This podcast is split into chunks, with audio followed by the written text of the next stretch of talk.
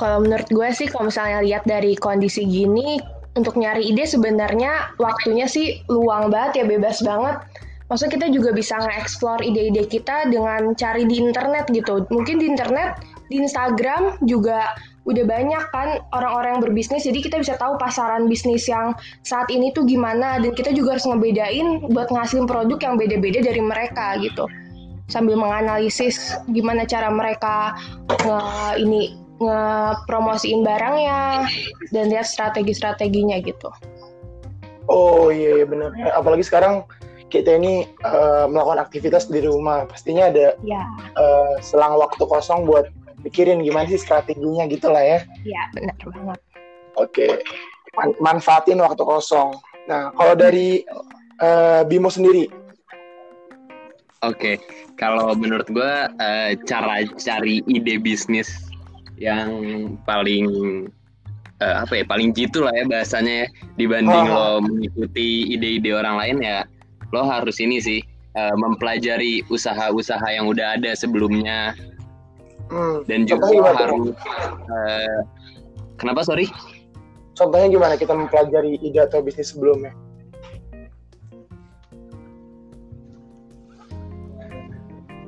Mungkin bisa ini kali ya kita ngeliat-liat dari teman terus kita modifikasi gitu. Nah ya jadi nggak lo nggak harus nge uh, kopas banget ide bisnis temen lo itu lo Jis. Oh ha. dan juga uh, menurut gue lo ini sih harus mengkaji tren ekonomi sekarang gitu sih Jis. Hmm, politik banget nih bahasanya. Kalau berarti lebih ke pergerakan bisnis di negara gitu. Misalkan di Indonesia nih bisa lagi tren apa sih? Iya betul terus kita modifikasi supaya nggak terlalu sama gitulah kurang lebih. Iya. Yeah. Oke. Yang terakhir coba dari Vira gimana Vir? Uh, mungkin jawaban gue sama kayak Bimo mungkin ya. Tapi menurut gue uh, kayak misalnya lagi zamannya tren clothing brand gitu. Terus lo pengen buka bisnis kayak gitu juga. Nah, hmm. mungkin bisa bisa nirunya itu tapi lo modifikasi misalnya clothing brandnya karena lo tipenya feminim berarti clothing brand lo feminin. Terus atau lu misalnya tipenya maco banget clothing brand lu tuh tercerminkan dari diri lo nya juga gitu loh. Mungkin kayak gitu. Oh iya iya iya iya. Berarti kurang lebih kita harus uh, apa namanya buat bisnis itu agar orang tuh tahu uh, cerminan bisnis kita itu adalah diri kita sendiri gitu lah ya. Iya, kayak karena kan kalau mau buat suatu produk juga, lu juga harus kenal produk lu sendiri gitu loh. Hmm. Oke oke oke. Terus yang gue baca nih ada uh, apa namanya uh, sebuah langkah gitu lah istilahnya analisis uh, buat kita ini uh, gampang nemuin idenya. Kira-kira analisis itu apa aja sih? Ngerti nggak maksud gue? Ngerti ngerti. Ngerti sih. Oke. Okay. Oke, coba dari Nadia. Kira-kira analisis apa nih yang perlu kita uh, lakukan supaya ide itu muncul? Kalau pribadi gue sendiri sih, gue kalau misalnya mau mau ngeluarin ide-ide gue, gue balik lagi nanya sama diri gue sendiri. Apakah yang produk gue pengen keluarin tuh emang jati diri gue apa ngerepresentasin diri gue terus apakah ini yang gue beneran senangin? Apakah dari hobi gue sendiri? Kalau gue sih gitu. Oh iya iya iya. Berarti uh, ada hubungan dengan jawaban viral tadi ya. Ya, ada korelasinya lah. Oke, siap siap. Terus kalau dari Vira? Uh, kalau menurut gua itu kalau misalnya udah nih produknya yang ngepresentasikan kita gitu. Misalnya uh, nah misalnya kita suka, uh, suka masak, suka masak mau bikin hmm. bolu gitu. Kita bikin bolu nih kan itu sebuah kesenangan kita kan dan hobi kita gitu. Tapi kita hmm uh, juga harus tahu produk dan prosesnya gitu loh. Terus kalau misalnya, misalnya kita lagi nganggur gitu atau apa, kalau misal kayak hal hal apa yang langsung terpintaskan, lo lagi nggak ngapa-ngapain gitu, wah gue pengen pengen buat ini gitu. Nah itu biasanya suatu hal ide yang emang lo senangin gitu loh ketika lo lagi nganggur dan lo mau melakukan hal itu gitu kalau menurut.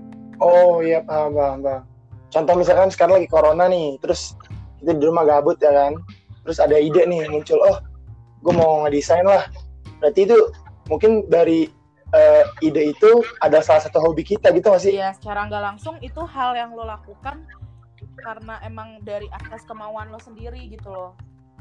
Oh iya iya paham paham paham. Hmm. Itu dari jawaban dari Nadia dan Vira.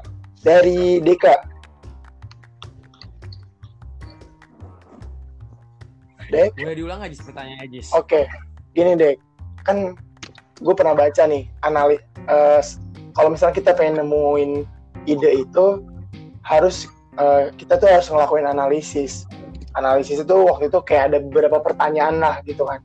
Tadi Nadia udah ngasih contoh sih kayak uh, analisisnya itu bisnisnya ini mau ngerepresentasikan diri kita atau enggak sih? Nah, itu salah satunya. Kalau dari lu, Dek? Kalau dari gue sih, gue sih lebih seringnya misalkan gue nonton YouTube nih, gue ngeliat di internet lah, gue baca-baca di internet, mm. gue gue presentasiin, gue buat nih langsung, jadi tapi pas gue buat itu gue modifikasi modifikasi sedikit sedikit Jis, oh. jadi enggak sama-sama persis kayak yang gue cari di internet. Kalau dari gue sih kayak gitu sih Jis. Oh iya iya iya. Oke. Okay. Gue modif modif modif sedikit lah. Oke okay, oke okay, siap. Kalau terakhir dari Bimo, Uh, Oke, okay, kalau menurut gue ya uh, ide potensial yang paling cocok tuh uh, sebenarnya jawaban gue kurang lebih sama kayak Nadia sih. Uh, lebih lo harus mengerti apa yang uh, lo jual barang yang lo jual kayak misalnya dari hobi ya uh, contoh hobi lo main bola mungkin lo bisa uh, ngejual alat-alat uh, buat main bola kayak jersey atau sepatu. Jadi kan lo mengerti apa barang yang lo jual gitu sih Jis kalau dari gue berarti supaya kita tuh 100% paham akan barang kita jual gitu lah ya? Iya. Yeah. hmm, mungkin kurang lebih jawabannya sama sih atas pertanyaan-pertanyaan yang tadi gue udah berikan. Cuman ya adalah hal-hal yang bisa uh, ditangkap selain mengubah ide seorang atau yang lainnya tapi oke okay, satu tapi gue pengen nambahin tapi mungkin ada hal yang terpenting kali ya kayak tujuan lo membuat bisnis itu tuh apa gitu? Apakah mendapatkan keuntungannya? Ataukah lo pengen mendapatkan apa uh, mengeluarkan ide-ide lo atau gimana? Karena kalau mau buat sesuatu kan harus tahu tujuannya juga kan? Jadi gitu sih. Oke okay, benar-benar oh. oke oke oke emang emang banyak ya Fer orang yang berjualan tuh? Kayak cuma nyari cuma uh, apa namanya uh, nyari kesempatan di waktu kosong gitu emang ada juga kayak ada ada juga tapi kan walaupun dia kayak gitu dia punya tujuannya sendiri gitu loh jadi hal yang penting hmm. tujuan oke okay.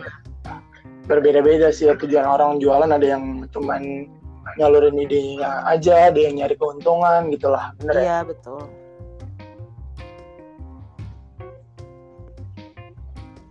terus uh, pertanyaan selanjutnya itu uh, pasti kan kalau kita pengen mulai bisnis tadi yang gue tangkap dari jawaban Nadia sama Bimo itu kita harus mengenal uh, diri kita atau mengenal jiwa kita istilahnya gitulah ya.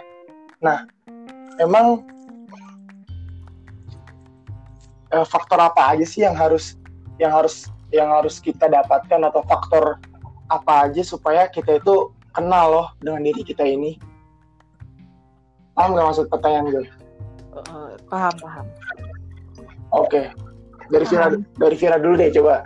Um, mungkin poin pertamanya itu cocok dari diri kita gitu. Jadi peluang itu kan bersifat personal ya. Jadi kayak lo peluang tiap orang juga beda. Makanya peluang itu tuh sifatnya uh, personal juga.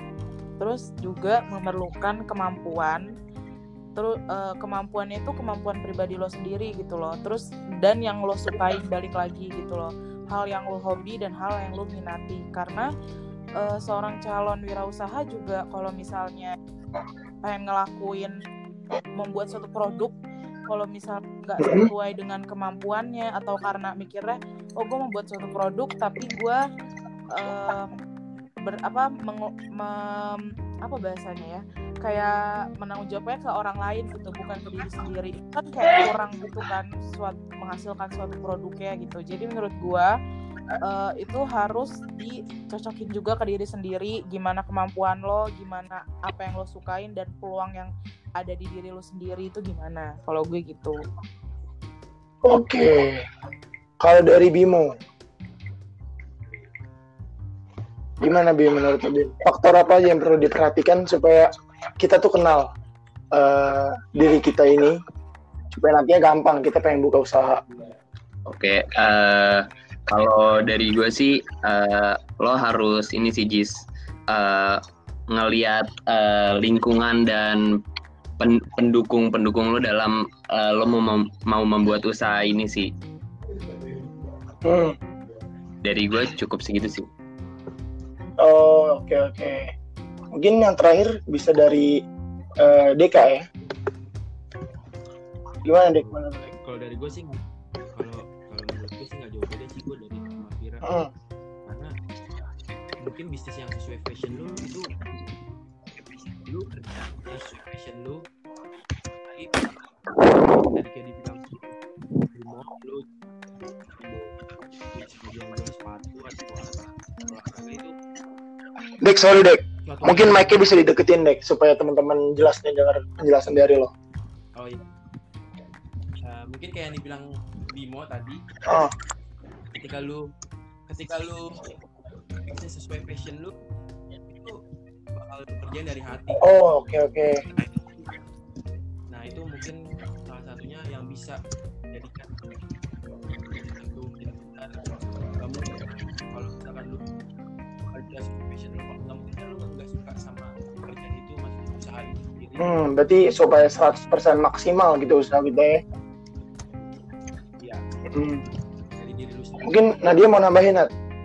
Kalau gue sih nambahin sedikit aja yang kalau menurut gue sih yang terakhir potensialnya nih. Potensialnya harus bener-bener diliatin. Karena buat kita nge-komersialisi produknya juga harus perhatiin kalau misalnya yang kita keluarin produknya tuh apakah bisa ngembaliin modal kita apa nguntungin kita sendiri gitu kan harusnya hmm. ya oke oke tapi oh dari dari penjelasan teman-teman semua sih ini dari Deka, Bimo, Vira dan Nadia, gue udah cukup paham sih. Tapi ada satu satu poin yang perlu gue dalam ini.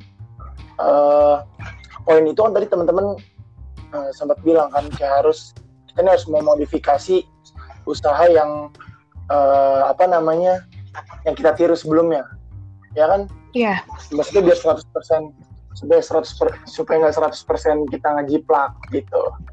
Nah,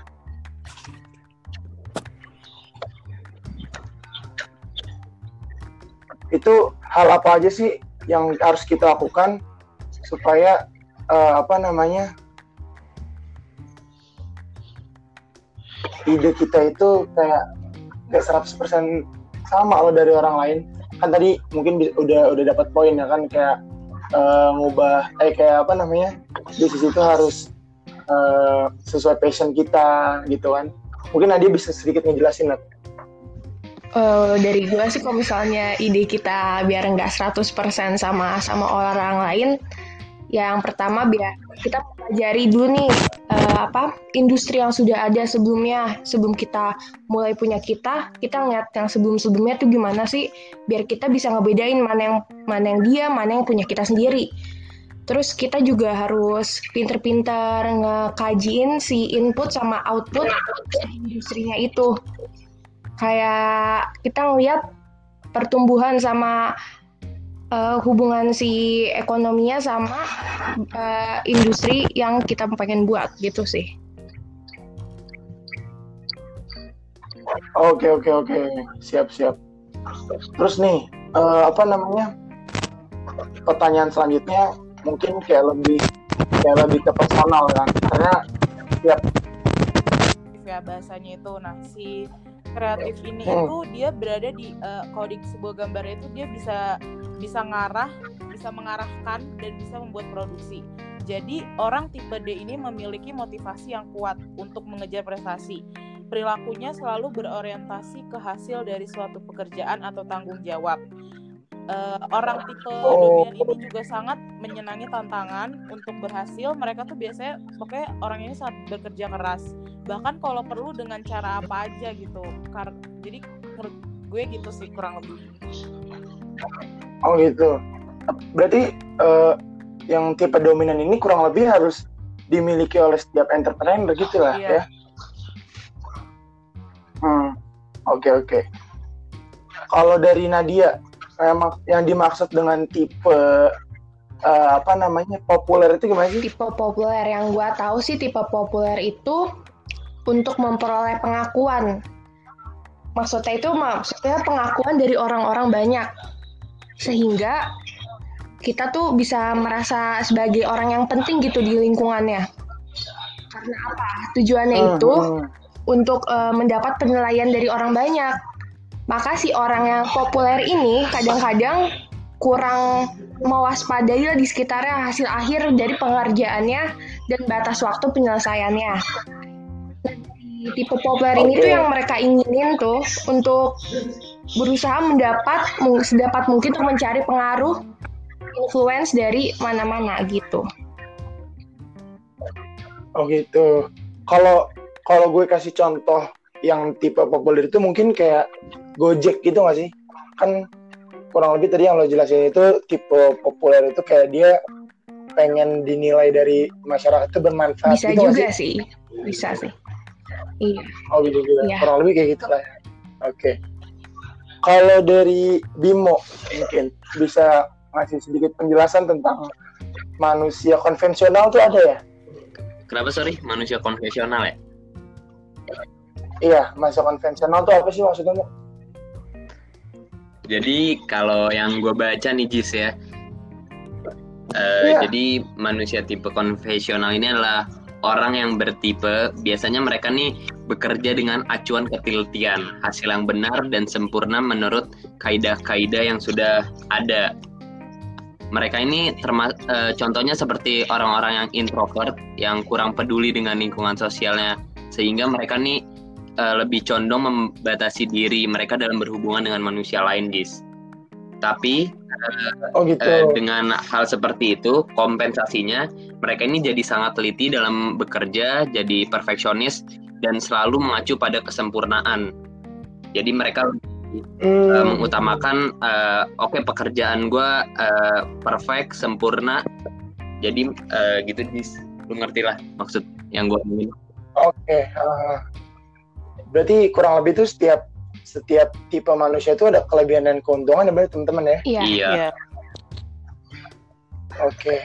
dan yang terakhir nih dari Deka gue masih belum paham tentang uh, apa namanya manusia tipe apa satu lagi tenang ya? Iya. Iya ya, tenang. iya ya, tipe tenang. Oke. Okay. menurut lu menurut lu gimana tuh Dek penjelasan tentang manusia tipe manusia tenang. Orang tipe tenang ini tuh terdorong oleh motivasi persahabatan persahabatan Jis dan saling menghargai mereka juga tuh, oh. Ah.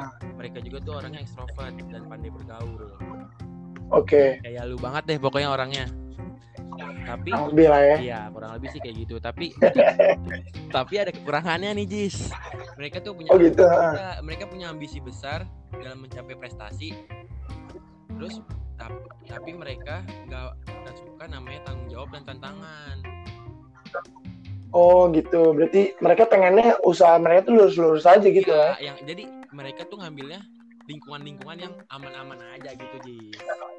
Oh gitu, padahal yang lo tau dik, emang tantangan itu selalu pasti ada ya dalam setiap uh, usaha. Dalam setiap usaha itu pasti ada tantangan Ji. Kita harus sebagai gimana caranya kita harus bisa ngelewatin tantangan itu Ji. Hmm. Gitu harus kita harus bisa kita lewatin Jis.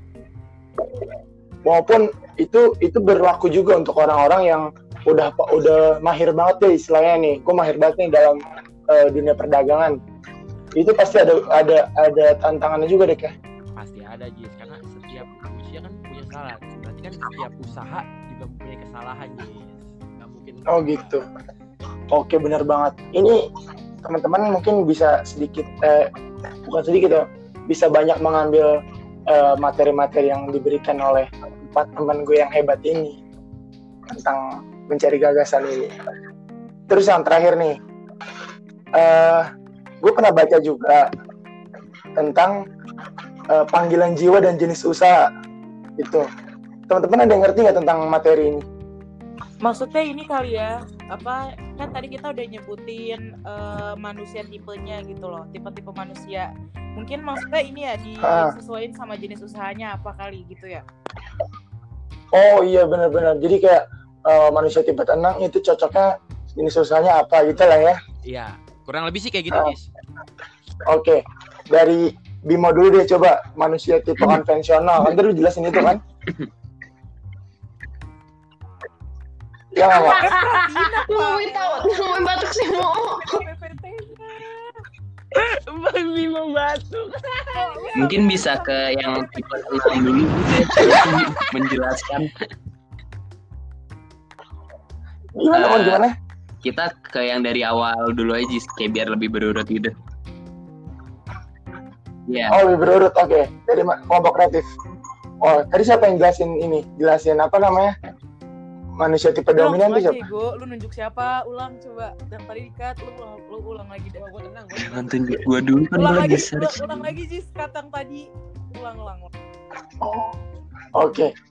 Uh, eh, yang pertama nih, uh, apa namanya kan tadi kan teman-teman udah jelasin nih kayak tipe manusia itu apa ada apa aja. Pastikan juga uh, sifat itu cocoknya usahanya tuh kayak gimana sih gitu paham kan? Iya paham paham. Paham Hmm. Oke, okay. kalau dari Vira nih, tadi kan Vira jelasin tentang manusia tipe dominan ya.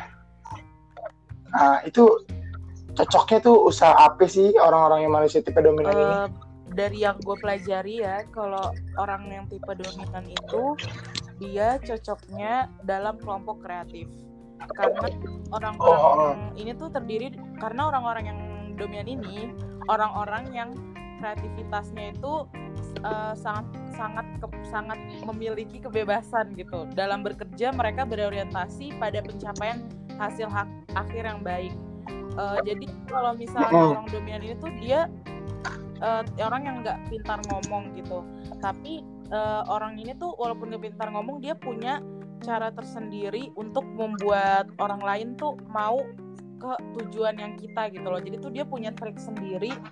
Uh, walaupun dia nggak pintar ngomong nih tapi dia punya trik sendiri gimana misalnya gue uh, ini nih punya ide. Nah gue pengen uh, Ajis menyetujui, menyetujui ide gue. Nah gue tuh punya triknya sendiri walaupun gue nggak bisa nggak pintar ngomong gitu loh. Oh gitu uh, lu ini Fir, lu tau gak sih produk Kamengski Ajis gak usah gak usah gitu nanya kayak gitu gue gak ngerti Jis.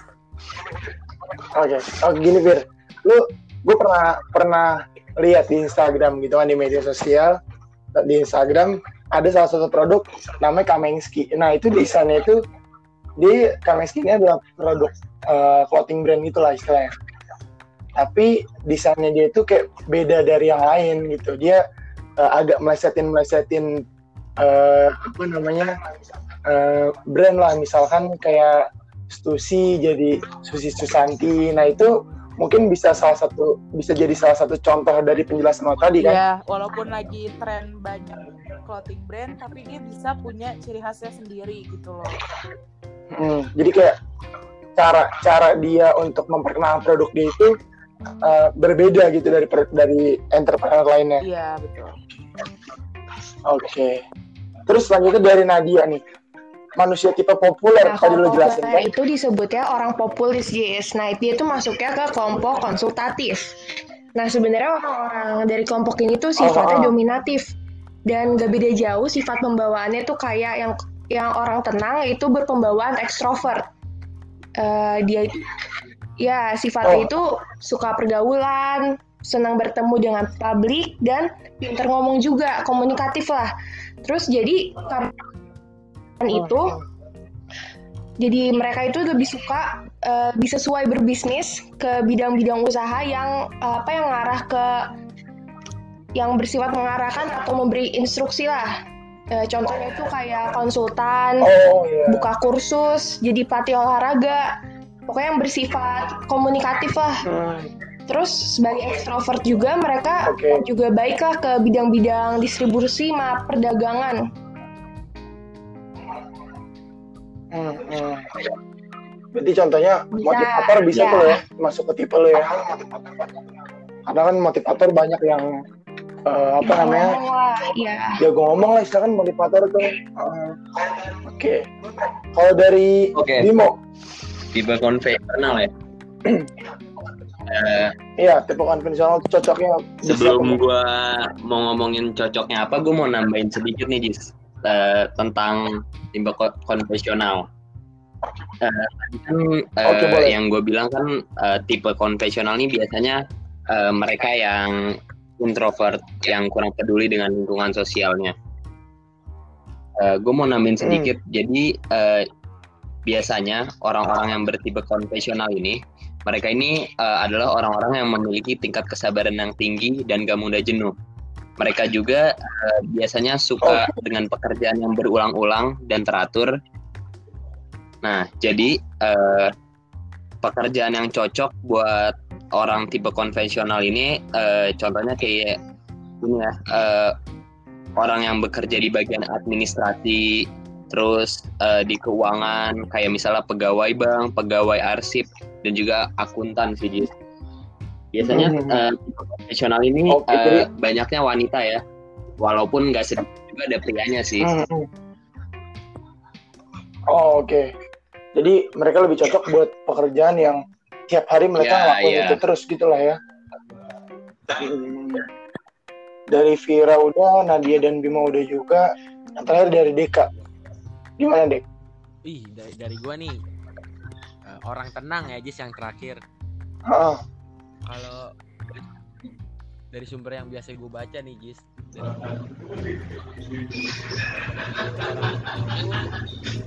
Dari tuh usahanya di di bidang jasa, Jis. Oh, bidang jasa. Nah, kayak seperti orang servis, Jis. Dek, sorry, Dek. Mungkin mic bisa aja deketin lagi, Dek. Oh iya iya, sorry sorry Jis, soalnya emang ada kendala sedikit sih Jis. Oke, santai. Dia cocok nih sebagai bekerja sebagai bengkel otomotif, elektronik, bisa bekerja makan Jis. Oh gitu. Lah. Itu sih karena orang tenang itu kan nggak mau tantangan buat tantangan makanya dia, dia mungkin ya, bisa buka bengkel Oke, itu aja nih, Dek, yang dari lo, Dek. Kelebihan orang adalah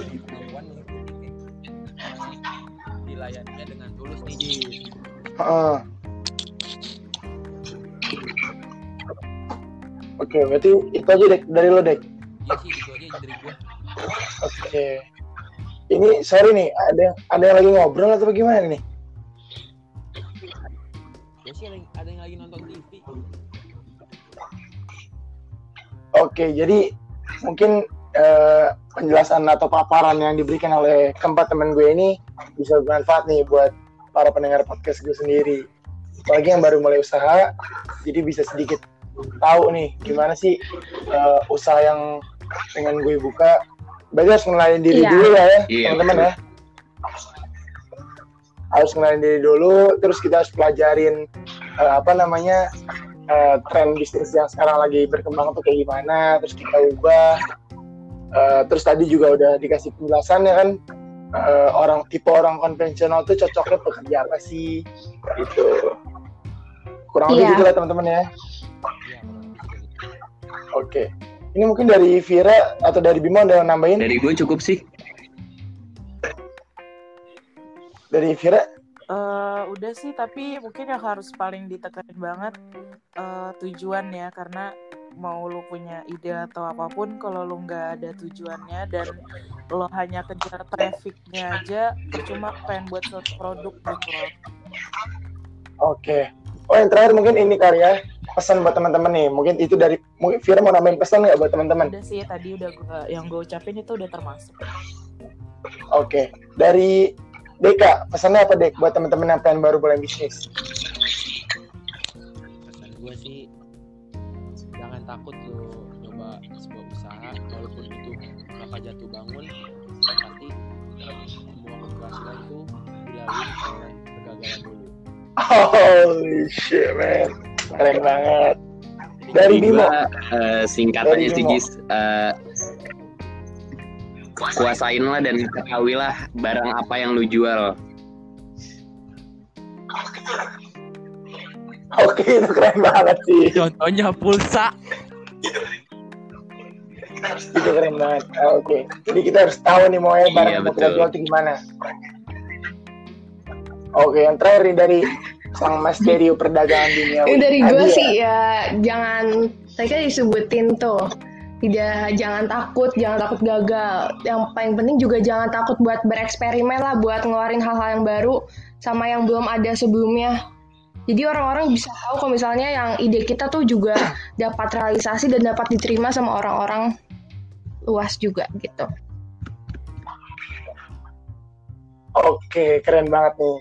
Jadi itulah teman-teman eh, pendengar paparan dan penjelasan dan pesan juga ya buat teman-teman sekalian yang pengen baru, pengen buka usaha baru. Jadi jangan takut buat membuka usaha baru karena jatuh bangun itu akan selalu dihadapi oleh pengusaha baru maupun pengusaha yang pengalaman sekaligus. Cukup sekian dari eh, gue episode podcast gue sendiri pada kali ini. Semoga bermanfaat. Jangan lupa dengan podcast-podcast gue yang kemarin-kemarin nih karena itu juga sangat bermanfaat. Sekian. terima kasih